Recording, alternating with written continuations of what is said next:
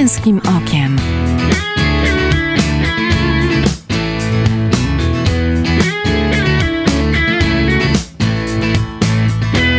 Zapraszam Michał Bondyra.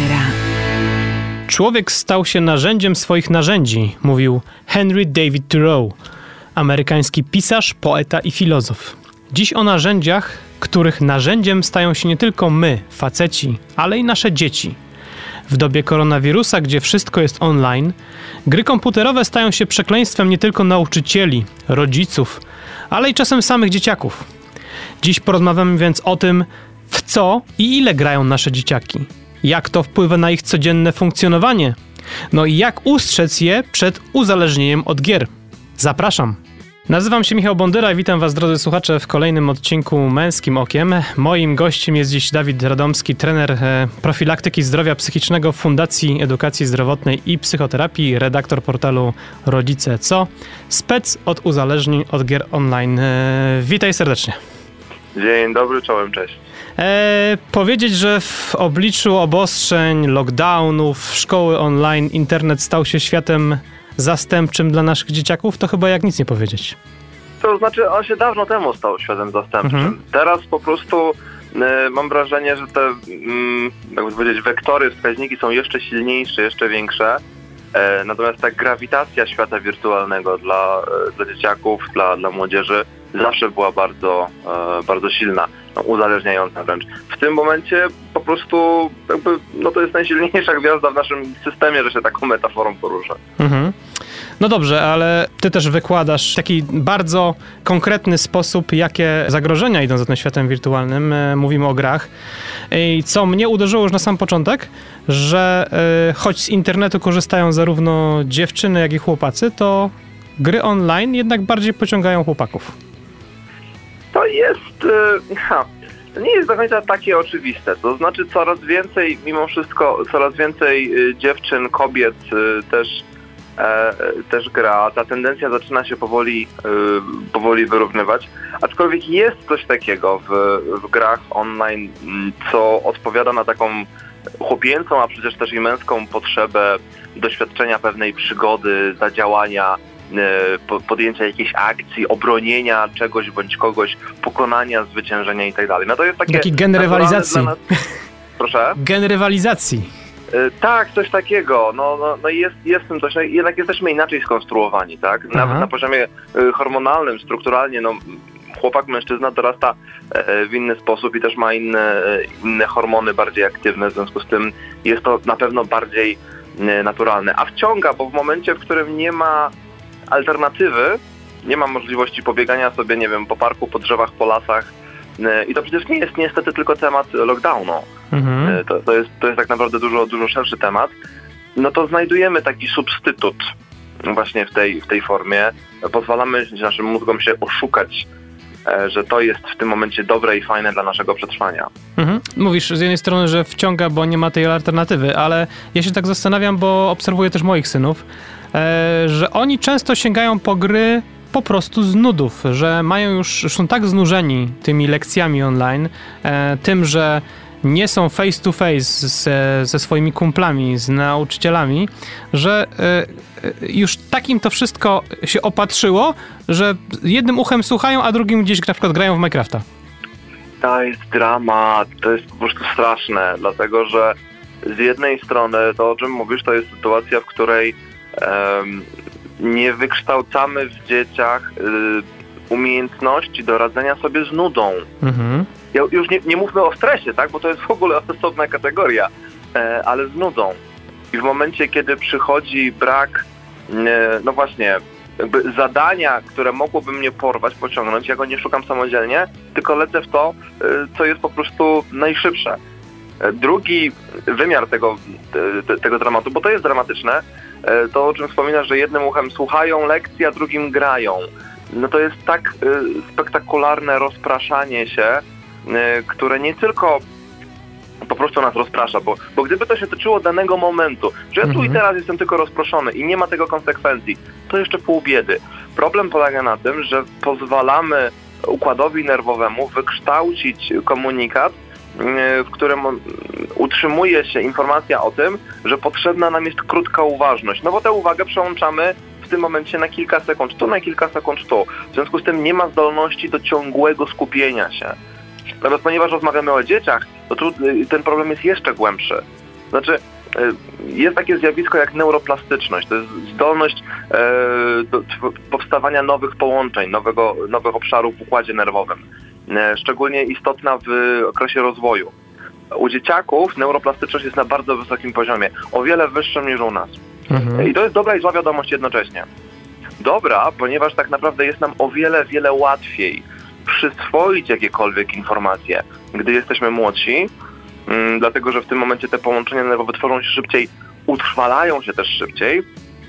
Zła wiadomość, dlatego że wszystko jest informacją. Nauk jest informacją, uzależnienie jest informacją, nawyk, zdrowy, niezdrowy nie ma znaczenia, jest informacją i one też o wiele szybciej powstają. Moment, w którym pozwalamy e, dzie dzieciom, nastolatkom na różne m, mm, dziwne eksperymenty, nawet jeżeli tym eksperymentem jest w tym momencie to, że on równolegle gra i, i ogląda w tym czasie lekcji, no właśnie, ogląda, nawet w nich nie uczestniczy, mhm. bo nie jest w stanie uczestniczyć nigdzie w pełni, to jest tak zwana semi-obecność. Nie ma go nigdzie w pełni, jest trochę tu, trochę tu.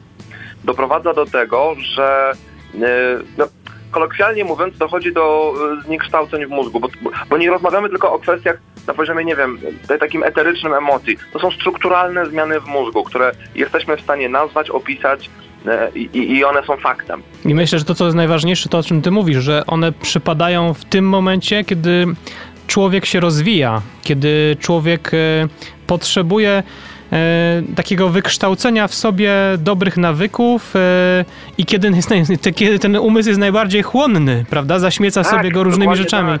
Mhm. Jest, e, jest strasznym mitem i kłamstwem to, to, ten taki frazes, że że młodość musi się wyszumić, że trzeba za młodą właśnie różne rzeczy. E, I ciekawe, że jak mówią różne rzeczy, że wszystkiego trzeba spróbować, to zwykle ludzie mają na myśli jakieś uzależnienie czy narkotyki, a nie na przykład uczenie się fizyki kwantowej. Tego czegoś nie próbują. Natomiast jest, e, jest e, smutne po prostu, że, że daliśmy sobie wmówić kilka takich kłamstw, że wyśpię się po śmierci, że, że za młodo trzeba wszystkiego spróbować i tak dalej, i tak dalej, zamiast faktycznie zastanowić się, jak to działa na poziomie natury, bo to są rzeczy no, po prostu związane bezpośrednio e, z naszą biologią. Mhm. Dawid, jest... mhm. Mhm. wspomniałem e, o tym, że m, mm, po, znalazłem taką korelację między tymi, e, e, tą szkołą online, a, a, grami komputerowymi i właśnie, czy, czy w związku z tym e, te, tymi groma, grami e, online najbardziej zainfekowane są dzieciaki w podstawówce na przykład? E, tak, tak, znaczy generalnie to jest, to jest w ten sposób, bo, bo dobra, może 5 y, sekund, 5 y, minut, przepraszam, takiego króciutkiego mikrowykładu z neurobiologii, żebyśmy mieli kontekst, co to znaczy, że gry uzależniają, bo to jest, mhm. myślę, szalenie istotne, żebyśmy to zrozumieli. E, u podstaw dosłownie naszych mózgów leży ciało migdałowate. To jest takie maleństwo, ono jest wielkości dosłownie migdała, stąd też jego nazwa i odpowiada przede wszystkim za przetrwanie. Takie elementarne. Znaczy walcz, uciekaj, przetrwaj, przeżyj, zjedz, przedłuż gatunek. To mhm. są te rzeczy. I ono reaguje automatycznie, bardzo szybko, dlatego że nie ma czasu na racjonalizowanie. No jeżeli, nie wiem, goni cię dziki zwierz, to nie zastanawiasz się, z jaką prędkością on do ciebie dobiegnie i czy ma ostre zęby, tylko po prostu uciekasz. Nogi za pas. Nogi za pas i dopiero później zastanawiasz się, czy to było racjonalne, czy nie. No wtedy nam się wydziela trochę adrenaliny, żebyśmy szybciej byli w stanie biec i tak dalej. Ciało migdałowate reguluje e, produkcję dopaminy. To jest neuroprzekaźnik, który nazywany jest hormonem przyjemności i tak uściślając jest naj, największą pojedynczą nagrodą, jaką mózg może ci dać. Mhm. No, myślę, że każdy z nas miał coś takiego, że zjadł jakiś taki bardzo dobry obiad i tak, tak usiadł w tym fotelu i taka, takie to uczucie błogości, takie a, to było, błogostan. No, to jest, dokładnie tak. I ten błogostan Y, no to jest, y, to jest właśnie dopamina. Dostaliśmy nagrodę za to, że przedłużyliśmy nasze życie. Podobnie przy przywileju małżeńskim, tak, przy przedłużaniu gatunku też jest potężna, potężna nagroda, potężne doświadczenie przyjemności, no bo zrobiliśmy coś, co patrząc antropologicznie sprzyja naszemu przetrwaniu, no bo celem rasy w sensie antropologicznym jest unieśmiertelnienie kodu genetycznego. No w związku z tym sprzyjaliśmy tej sytuacji, no więc nagroda. No i podobnie, gdy pokonamy coś, wygramy czy na przykład dostaniemy komplement, taki szczery, prawdziwy komplement. To też wydziela się dopamina, no bo w jakiś tam sposób wygraliśmy. I teraz problem polega na tym, że ciało migdałowate jest niesamowicie prymitywnym obszarem, dlatego że ono nie ma czasu racjonalizować. W związku z tym łatwo je oszukać. Na takim trywialnym przykładzie, to znaczy ono nie rozróżnia obrazu dwuwymiarowego, płaskiego od rzeczywistości. Mhm. Czyli jak mamy na przykład y, fast foody, i są tam takie te cinemografy, że tam, nie wiem, jest jakiś tam hamburger i tam na przykład niego dym leci taki. Cały obraz jest statyczny, tylko ten dym tak animuje. No to nasza racjonalna część mózgu mówi, o ładna animacja, ciekawe w jakiej technologii to zrobili. A ciało migdałowate mówi, o jaki burger, zaraz go zjem. I ponieważ widzi, że jest szansa na przedłużenie życia, zaczyna wydzielać dopaminę, zaczyna już robić się błogo na zasadzie, hmm, zaraz to zjem. Tak samo jest z pornografią internetową, czy w ogóle, dlatego że no, ciało nie roz, migdałowate nie rozpoznaje, że to nie jest prawdziwa okazja do przedłużenia gatunku. I clue naszej rozmowy. Tak samo jest z grami komputerowymi. Posłuchajmy języka graczy przez chwilę. Ja pokonałem, ja wygrałem, ja wbiłem poziom, ja załatwiłem, mnie zaatakowali, mnie zabili. Jest potężne utożsamienie się. Mhm. Jeżeli dorzucimy do tego jeszcze y, różne techniki imersyjne, czyli to, jak te gry są projektowane w kontekście wciągnięcia fabuły, w kontekście, nie wiem, y, oprawy graficznej, wizualnej, audiowizualnej itd., no to nagle się okazuje, że te światy niesamowicie wciągają. I e, mózg jest co chwilę zalewany dopaminą, dlatego że w grach mamy bardzo duży y, odczynnik zwycięstw. Jeżeli jesteś w tej grze nieudacznikiem, to ona ci pomoże, żebyś ty jednak wygrał. Dostaniesz masę bonusów na początku i tak dalej, co y, wysyła do ciała migdałowatego sygnał, hej, zrobiłeś coś teraz dobrego dla siebie, no udało ci się w jakiś sposób wygrać, wytrwać, pokonać cokolwiek, masz tą nagrodę, łap nagrodę, łap nagrodę. Teraz, dlaczego to jest problem? Problem to jest dlatego, że nie jest naturalna liczba tych bodźców. To nie jest naturalne, tego jest za dużo. Mózg radzi sobie z rzeczami nienaturalnymi najczęściej w ten sposób, że stara się po prostu e, jakoś te obszary powiedzmy negować. W tej sytuacji jest tak, że zmniejsza się, i to jest istotna informacja, zmniejsza się liczba receptorów dopaminowych, czyli tych, które odpowiadają za doświadczenie przyjemności. Czyli tak, podsumowując, w momencie, w którym robimy coś, co sprzyja naszemu przetrwaniu, mózg wykonuje dwie czynności. Znaczy wiadomo, wykonuje ich więcej, ale w tym kontekście. Dwie czynności. Pierwsza to jest wysłanie informacji, hej, to co teraz robisz jest dobre dla twojego przetrwania. Powtarzaj to. Mhm. Jest utrwalenie mechanizmu, że ta konkretna czynność sprzyja twojemu przetrwaniu, więc jest taki, taki sygnał, cały ten łańcuch połączeń powstaje, który mówi, hej, rób to konkretnie to, bo dzięki temu przeżyjesz. Stąd się biorą uzależnienia od fast foodów tak samo, Mhm. stąd się biorą później zaburzenia odżywiania i tak dalej. No i drugi czynnik to jest ta produkcja dopaminy e, i przyjemność, kiedy zostanie ona złapana.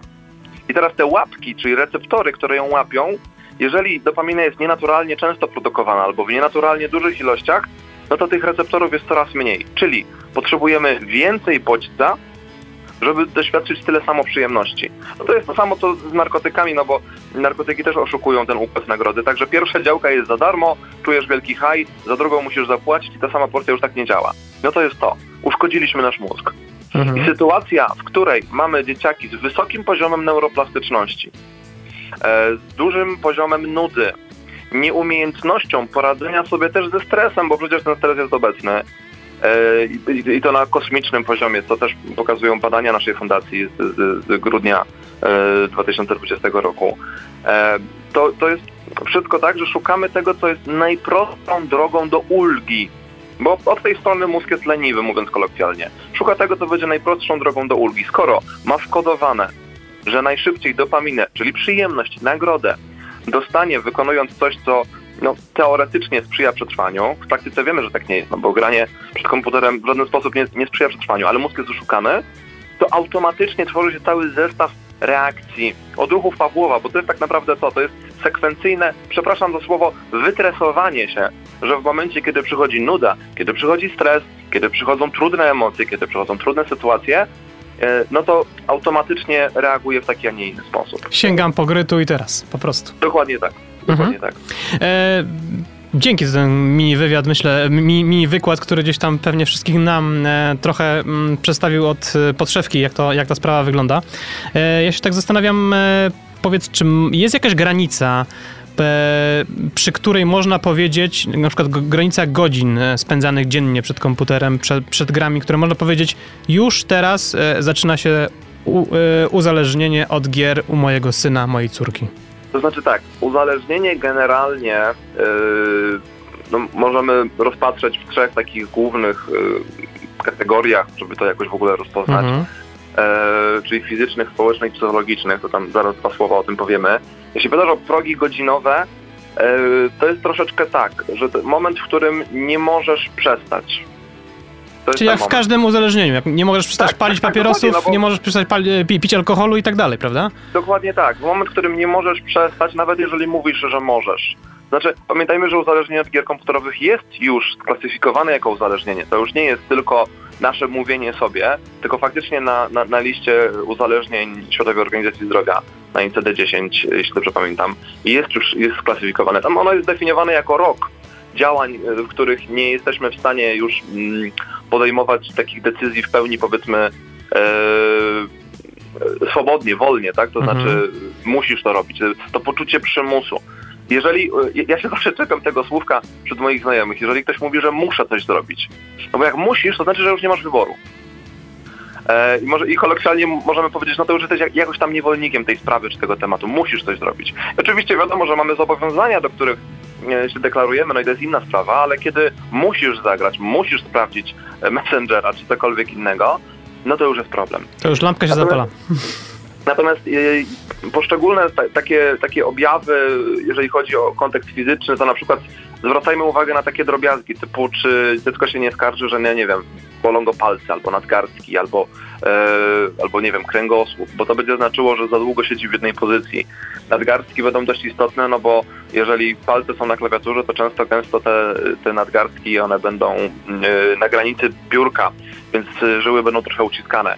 E, to też swoją drogą może prowadzić do cieśni nadgarstka, którą czasem trzeba operacyjnie w ogóle leczyć.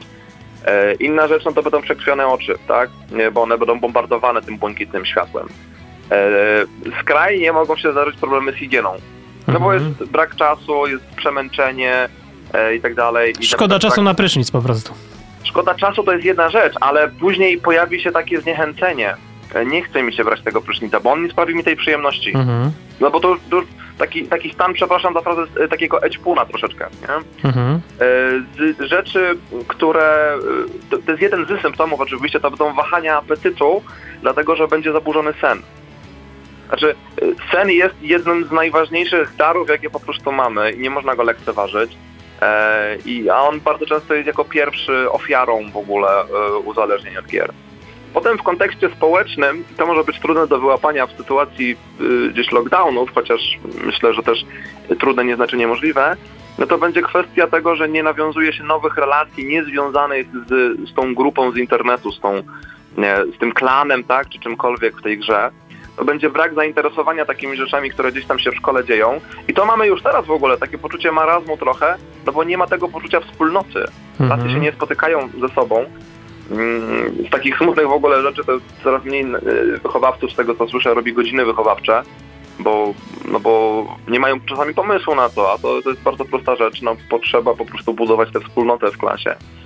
Będą konflikty różne, na różnych poziomach, e, ogólnie, na zasadzie nie rozumiecie mnie. Na zasadzie tylko grupa w internecie mnie rozumie. E, tylko, tylko oni wiedzą, o czym myślę, w co wierzę, co lubię, i czym się interesuję i tak dalej. E, I takim skrajnym, już, już naprawdę bardzo, bardzo poważnym symptomem będzie utrata ważnej relacji. To był jakiś przyjaciel, przyjaciółka, ktoś bardzo ważny, o kim często rodzic słyszał e, i tak dalej, i, i ta relacja się zapadnie. Bo pamiętajmy jedną rzecz. To nie jest tak, że, że jest świat wirtualny i jest świat rzeczywisty i to są, nie wiem, dwa różne światy kompletnie ze sobą niezwiązane dla dzisiejszego nastolatka, a już dziecka tym bardziej, to jest jeden świat. Znaczy świat wirtualny i fizyczny to jest ten sam świat, po prostu są różne miejsca. To jest istotne, bo w momencie, w którym moja postać w grze zostanie zaatakowana przez postać sterowaną przez mojego przyjaciela i zostanie okradziona, to przecież to nie jest tak, że mm, awatar A okradł awatara B. Znaczy to mój przyjaciel mnie okradł w tym momencie. Mhm. Albo zrobił mi jakiś głupi numer. I czy on to zrobił na podwórku, czy w klasie, czy w grze, czy na, nie ma na znaczenia. To nie ma znaczenia, to jest jedno miejsce.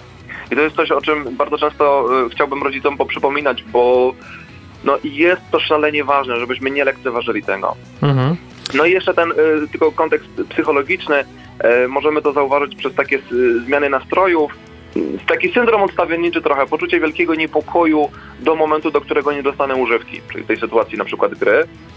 E, coraz więcej tego czasu, tak, to jest taki, taki powiedzmy, że sumujący te trzy y, składniki, no bo, bo mechanizm dopaminowy domaga się, bo poczuję niepokój, bo e, nie sprzyja mojemu e, przetrwaniu. E, brak innych zainteresowań, to jest szalenie ważne. E, sytuacja, kiedy dziecko kiedyś kopało w piłę, teraz już tego nie robi, albo kiedyś interesował się, nie wiem, klockami Lego czy czymś, a teraz tego nie robi. E, no i jakby mówię, sk- skrajnie no to jest utrata kontroli nad czasem. Mhm. Jeżeli rodzic ustala z dzieckiem, słuchaj, to powiedz mi ile, ile czasu y, ci ta gra zajmie. Bo może być tak, że to jest na przykład rajd, 40 osób się zbiera w jednej misji i faktycznie ona trwa te 2 czy 3 godziny, bo nie da się tego zatrzymać, bo proszę Państwa, gier MMO nie da się zatrzymać. Dzieciaki nie kłamią w takich sytuacjach. E, no to i wiadomo, że taki rajd raz na miesiąc powiedzmy może trwać 2 czy 3 godziny. No i dziecko mówi, mamo, tato, to będą 3 godziny. No dobra, w porządku. No i po 3 godzinach yy, faktycznie już na rajd się skończył, widzimy, że gra w co innego. No i mówię, jeszcze 5 minut, jeszcze 5 minut. To już jest znak, że coś jest nie halo. Jesteście rodzicami, e, więc macie prawo e, powiedzieć dość. Mhm. Bo to jest taka obawa, którą się często też gdzieś tam stykamy z, u rodziców, że no, no ale jak tutaj, no będzie awantura, będzie krzyk. Lepiej, żeby teraz dziecko się awanturowało i krzyczało, ale ocalicie dosłownie jego mózg i jego przyszłość, bo on nie będzie pamiętał za dwa czy trzy y, tygodnie tego, że była afera. Mhm. E, inna rzecz, błagam, jeżeli was nastolatki pytają, dlaczego e, im ograniczacie ten czas, to mówcie o tym, że to jest troski. To jest jedna rzecz. Ale druga sprawa, e, my mamy doświadczenie w fundacji tego, że już piąto-szóstoklasiści chwytają, gdy mówimy im o tym mechanizmie dopaminowym. Wyjaśniamy im, co to znaczy, że mogą się uzależnić. Mhm. Znaczy, traktujmy dziecko poważnie. No właśnie, nie zbywajmy nie bo nie, albo tak bo tak, tylko rzeczywiście tłumaczmy. Ja tak rzeczywiście przeprowadzam takie rozmowy za każdym razem z moimi synami i, i mogę faktycznie powiedzieć, że to działa na wielu aspektach. E, zróbmy tutaj krótką przerwę, bo, bo czas nas goni. Posłuchamy sobie kawałka Daft Punk Da Funk, po którym wracamy do rozmowy z Dawidem Radomskim, trenerem profilaktyki zdrowia psychicznego, specem od uzależnień od gier online. Zostańcie z nami. Męskim okiem.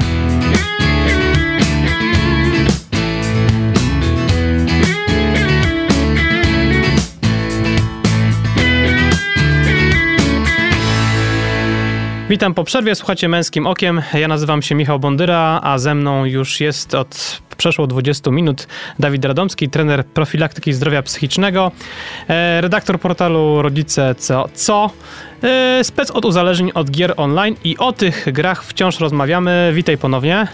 Dobry wieczór, witam serdecznie. E, dużo powiedziałeś o samym mechanizmie uzależnień w ogóle, ale też uzależnień od gier e, w szczególności.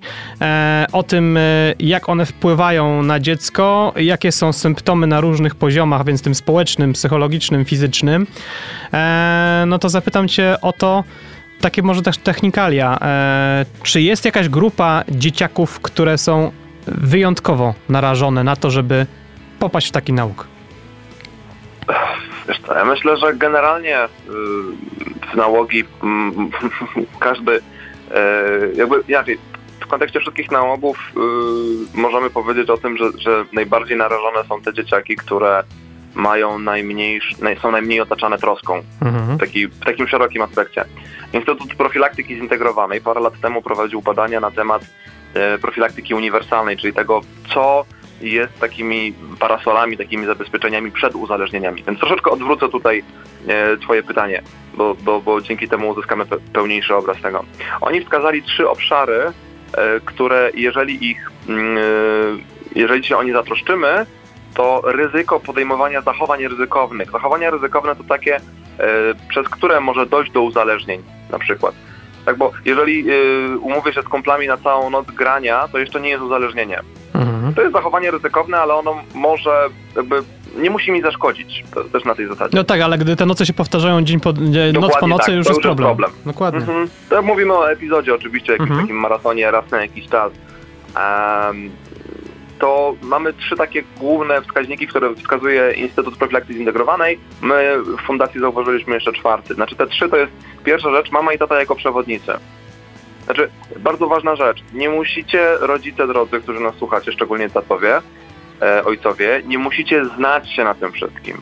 Nie musimy znać e, mechanizmów tych gier, nie musimy znać się na tych fabułach, na tym wszystkim. Wystarczy nasza realna ciekawość o to, czym w tym momencie dziecko się zajmuje.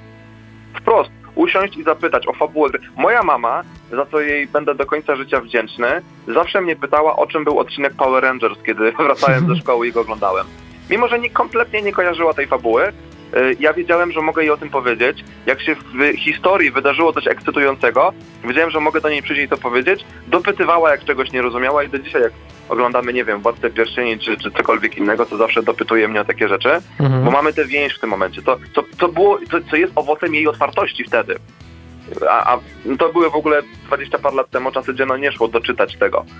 Więc, więc musiał, bazowała tylko na mojej wiedzy. Więc pierwsza rzecz, świadomość u dziecka tego, że rodzic jest tym przewodnikiem, że mogę do niego przyjść, że, że, że, że mamy te relacje. Druga rzecz, którą, którą, która wychodzi w tych badaniach, y, to wiara i praktyki religijne. To jest też w kontekście mocnego kręgosłupa moralnego, Mhm. świadomości tego, że nie jestem sam na bardzo wielu obszarach i tego, że, że, e, że no właśnie jest pewien system, do którego można się odwołać. No właśnie, bo System, tutaj, który- przepraszam, przerwę tobie, bo y, wydaje mi się, jakby uzupełnię tego, co ty mówisz, że to, że masz poukładany system wartości samemu, układa ten system wartości zupełnie jakby przez naśladownictwo u dziecka, prawda? Oczywiście, że tak. Oczywiście, że tak. Jeżeli, y, no, jakby najprostsza forma y, uczenia jakiegokolwiek to jest przez pokazywanie, tak, przez zapraszanie do współuczestnictwa. Więc rodzice, którzy się modlą razem ze swoimi dziećmi, no to w ogóle budują im tak niesamowicie mocne, e, mocne kręgosłupy, takie, taką tarczę, że się tak wyrażę, która naprawdę pomaga. To jest ta, to jest ta świadomość zostaje do końca życia. Mhm. Nie? I trzeci, trzeci czynnik to jest dobra atmosfera w szkole i w klasie. No na to rodzice wpływu nie mają. E, nie zgodzę się. Aha. Nie zgodzę się, dlatego że w momencie, w którym e, rodzic, e, dziecko jest częścią klasy, A na zasadzie Ale- reakcji, rozumiem, tak? Na pewne reakcji, sytuacje. ale, pro, ale też proaktywności. Dlatego, że jesteśmy w stanie przecież, e, nie wiem, na przykład my jako, jako ktoś zewnętrzny czasem zapraszany przez rodziców do szkół, żeby poprowadzić takie zajęcia z profilaktyki, Mhm. ale wy jako rodzice, którzy możecie porozmawiać z nauczycielami możecie e, zaproponować coś, jakąś formę jeszcze, nie wiem, e, budowania tej atmosfery. Zobacz, jest taki, nie wiem, czy też masz taką refleksję jako, jako ojciec, że mm, kiedy szkoła dzwoni, to często gęsto dlatego, że coś się mogło stać, e, czego nie chcesz usłyszeć. Mhm. Dziecko coś wyskrobało. Co pokazuje, e, stereotypowo oczywiście, ale niestety ten obraz jest powszechny, że relacja szkoła-rodzic jest często skoncentrowana na negatywach.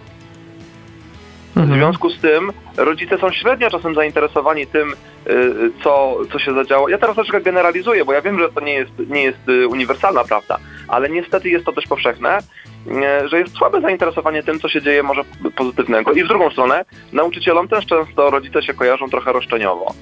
E, No niestety, tak to działa. I teraz, jeżeli masz inne doświadczenia, chwała Bogu, fantastycznie, cieszę się, że tak jest, bo to znaczy, że, że jest jeszcze nadzieja. Natomiast zupełnie poważnie, to od rodziców zależy bardzo mocno. Jaka, rodziców w ogóle, nie jednej klasy, tylko w ogóle w tym momencie społeczności rodziców, e, zależy jaka będzie atmosfera w szkole, bo przecież możecie zaproponować coś nauczycielom.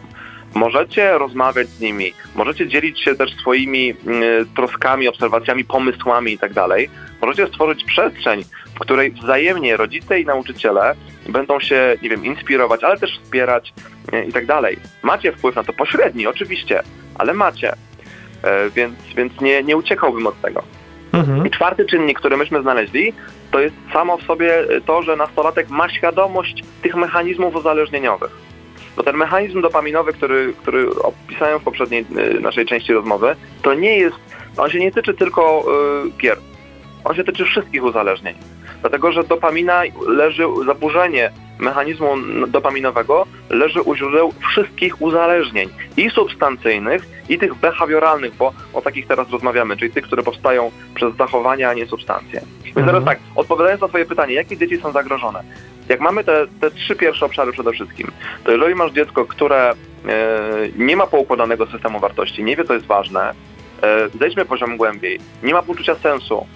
To strasznie smutna rzecz, która wyszła w naszych badaniach e, w etacie w sieci, to jest to, że e, trzy czwarte dzieciaków nie ma takiego poczucia sensu na zasadzie, no to co dalej z moim życiem.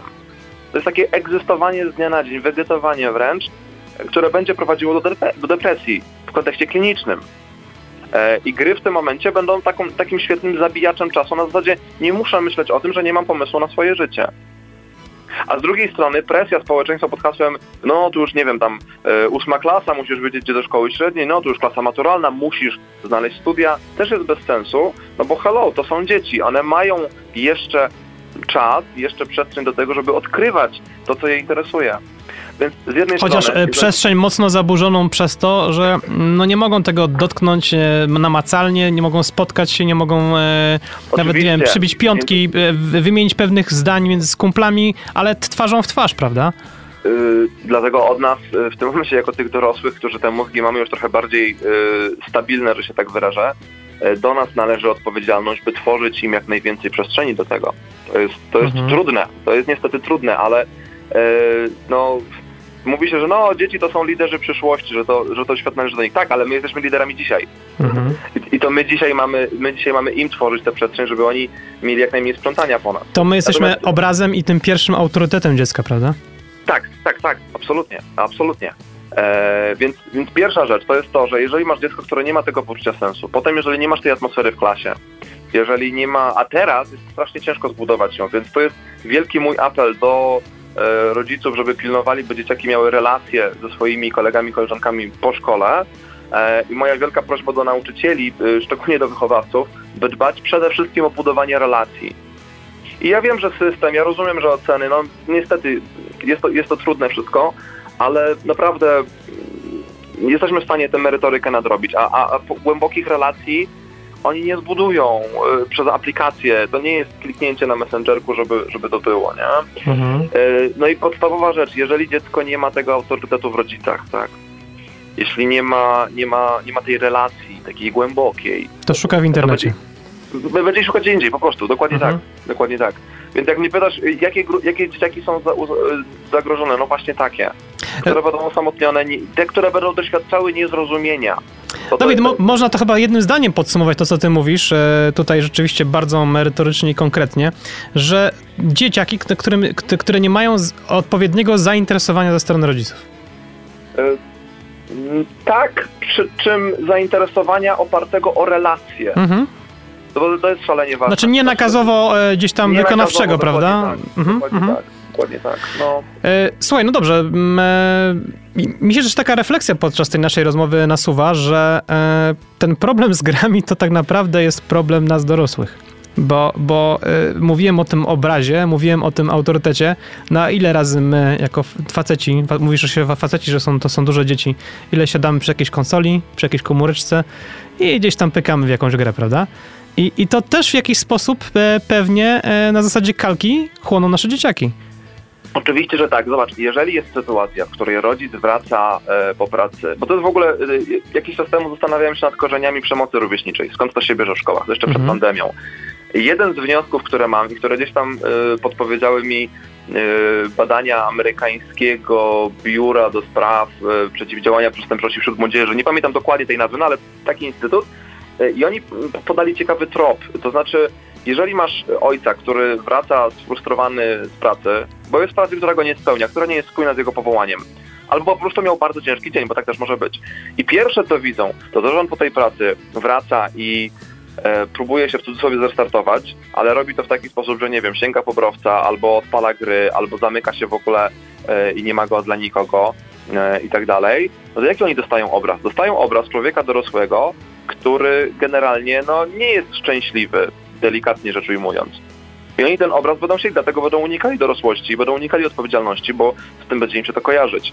To jest ciekawe, to tak troszeczkę Albo też ale- będą, przepraszam, e, dokładnie powielali zachowania, kiedy będzie sytuacja stresowa u nich. Oczywiście, że tak, bo to będzie pierwszy wzorzec dla mózgu. Mhm. To jest pierwszy wzorzec do skopiowania, y, więc to jest absolutnie normalne, absolutnie naturalne, nie?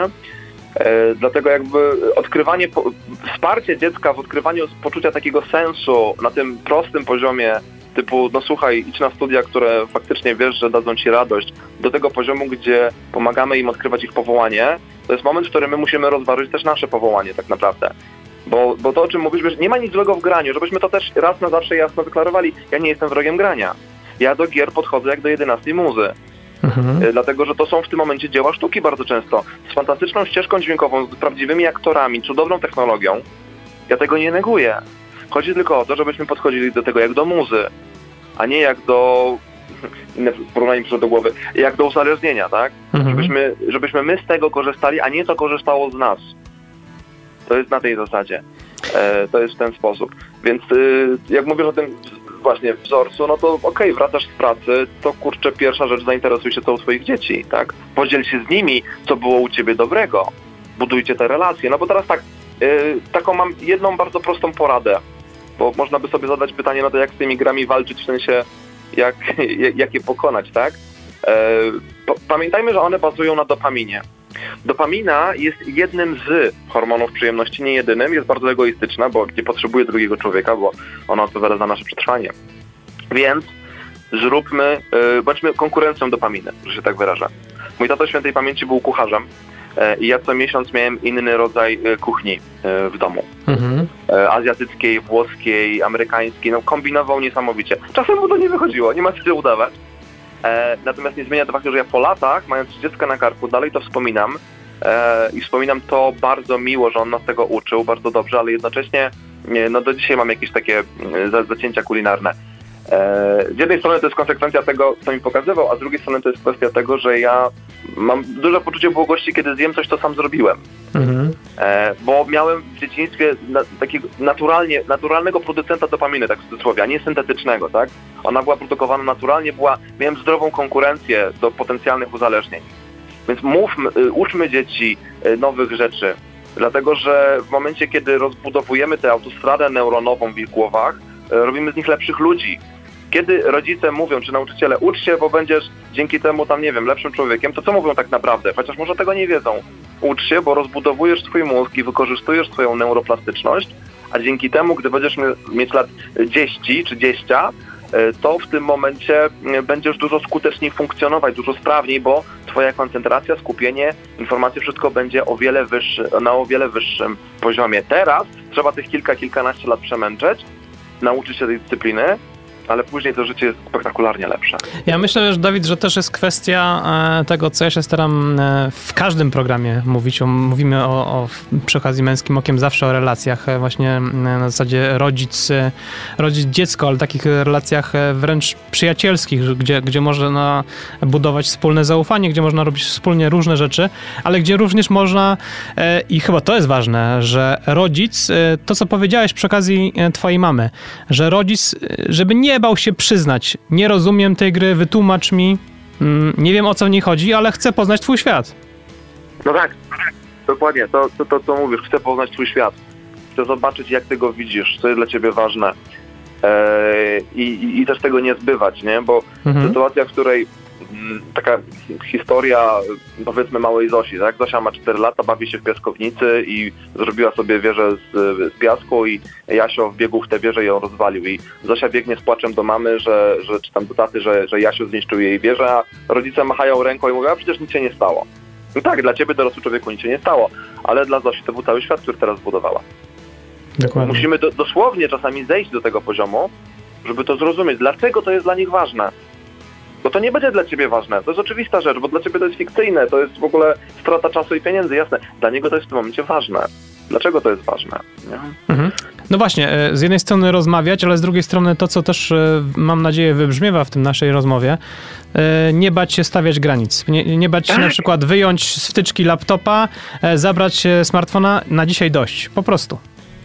Z tym wyjmowaniem wtyczki to już w takich skrajnych sytuacjach. Umówmy się, jednak lepiej byłoby, lepiej byłoby na początku stworzyć zestaw zasad, Mhm. Z naszego doświadczenia to jest też ciekawe, e, wychodzi, że e, dobrze, żeby to były zasady współtworzone, to znaczy rodzice z dziećmi tworzą te zasady, dlatego że dzieciaki mają wtedy większą świadomość e, jakby tego, że, że, że to jest naturalne, że, że taki system powstaje. Natomiast kiedy wyciągamy tę przysłowiową wtyczkę możemy doprowadzić y, do takiej małej tragedii. To znaczy, jeżeli ja byłem akurat na jakiejś grupowej misji z moimi kolegami i każdy miał e, jakąś przydzieloną rolę i ja nagle znikam, to oni nie wiedzą, co się dzieje, ja zostawię moją drużynę. Tak Mhm. będzie to odebrane przez dziecko. Ty, rodziców, widzisz wyciągniętą wtyczkę i widzisz po prostu, że dziecko już nie gra, zamiast tego będzie ryczeć, krzyczeć, płakać, niszczyć i tak A dalej. jemu To się wali świat. a jemu się wali świat, dokładnie. Więc tu jest kwestia, e, oczywiście w sytuacji uzależnienia, w- sytuacjach skrajnych, to też wyciągnięcie wtyczki nic nie da, bo tylko pogorszy sytuację m, w danym momencie i tam już też jest potrzebna pomoc specjalisty, to jest w ogóle osobny temat. Mhm. Natomiast tak naprawdę na, na poziomie budowania relacji to jest kwestia e, ustalenia wspólnie tych zasad, zobaczenia czy ich przestrzega, rozmów, troski, ale, ale twardego stawiania granic, to prawda. To znaczy... No i konsekwencji w tych granicach, prawda? tak, tak. Znaczy właśnie, nie róbcie czegoś takiego, że, że, że, że to była ciężka praca i tam, nie wiem, kilka tygodni e, były fajne limity i nagle mówisz dziecku, no dobra, no to dzisiaj możesz siedzieć do oporu. Mhm. E, tak, bo to jest straszne. to, to, to, to zaprzepaszcza, e, zaprzepaszcza po prostu pracę. Więc e, na tej zasadzie. Ale tak, twarde, twarde te granice. I wtedy powiedzieć, słuchaj, masz dwie godziny i faktycznie, jak w ciągu dwóch godzin nie kończysz, to poważnie wyłączam ci bezpiecznie w pokoju. I uprzeć kolegów, że tak będzie. Tak? I to już jest inny, inny poziom w tym momencie, nie? Mhm. To Mhm. jest inny, e, to już jest inny poziom. Powiem Ci, Dawid, że rozmowa e, jest e, tak szeroka, że pewnie nie starczy nam czasu, by ją kontynuować na antenie, ale, ale myślę, że, że jeszcze się nieraz gdzieś usłyszymy i, i, i zobaczymy i o tym porozmawiamy także na antenie Radio Emaus. Za dziś bardzo Ci dziękuję. Ja również bardzo dziękuję za zaproszenie. Moim Państwa gościem był dziś Dawid Radomski, trener profilaktyki zdrowia psychicznego Fundacji Edukacji Zdrowotnej i Psychoterapii, redaktor portalu Rodzice Co, spec od uzależnień od gier online, a za chwilę Gorillaz i ich Stylo. Po piosence wracamy do Męskim Okiem. Męskim okiem.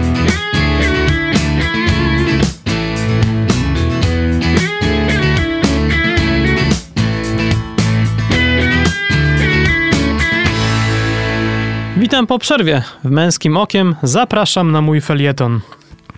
Nie bądź narzędziem swoich narzędzi. We wszystkim, co robimy, ważny jest umiar. Niby zasada znana i oczywista, ale mam wrażenie, że szczególnie w pandemii i wszelkiego rodzaju ograniczeniach mocno obchodzona. No bo bez umiaru wielu z nas się obżera, bez umiaru potem zrzucając wagę. Najgorsze jest jednak to, że bez umiaru nasze dzieciaki siedzą przed komputerem, zatracając w ten sposób to, co rzeczywiste, na rzecz wirtualnego świata. Ba, ten świat wirtualny, choć od lat był ich rzeczywistym i przenikał się z tym namacalnym, to teraz robi się tym podstawowym światem. Nauka online, zadania online, korepetycje online, no i w tak zwanym międzyczasie obecne zawsze i wszędzie obowiązkowo gry online. A więc recepta na nudę, ale i na stres związany z egzystencjalnymi pytaniami o sens istnienia, o to co dalej, o to jaka przyszłość rysuje się dla nastolatków, z których media próbują tworzyć karnych lemmingów. Gra w Minecrafta, gry strategiczne, gry sportowe nie są same w sobie czymś złym. No właśnie, ale wracam do zdania, od którego zacząłem. Ważny jest tym wszystkim umiar. Ważne jest, by umieć w odpowiednim momencie powiedzieć dość. Wylogować się z sieci, w ramach odtrutki pójść na dwór, pojeździć na rowerze, pograć w piłkę, porzucać do kosza, spotkać się ze znajomymi. Pokolenie nastolatków e, tych alternatyw nie wybierze samodzielnie. Oni potrzebują impulsu. I tu powinniśmy wejść my, ojcowie, cali na biało. To jest trudne, ale trzeba wyrwać kawałek po kawałku nasze dzieci z wirtualnego świata. Nie przez zakazy, nakazy, ale przez rozmowę, racjonalne argumenty, zainteresowanie tym, czym żyją, co robią, poprzez budowanie więzi, poprzez budowanie relacji. Wreszcie dawanie dobrego przykładu, który najpierw e, zastanowi, a potem być może pociągnie do naśladowania.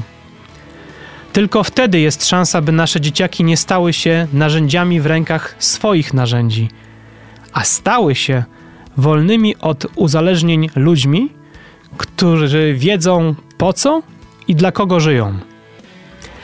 Za dzisiejszy odcinek Męskim Okiem dziękuję realizujący program Eryk Kotys i mówiący do Was te słowa Michał Bondyra. W Męskim Okiem słyszymy się za dwa tygodnie. Do usłyszenia. Męskim okiem.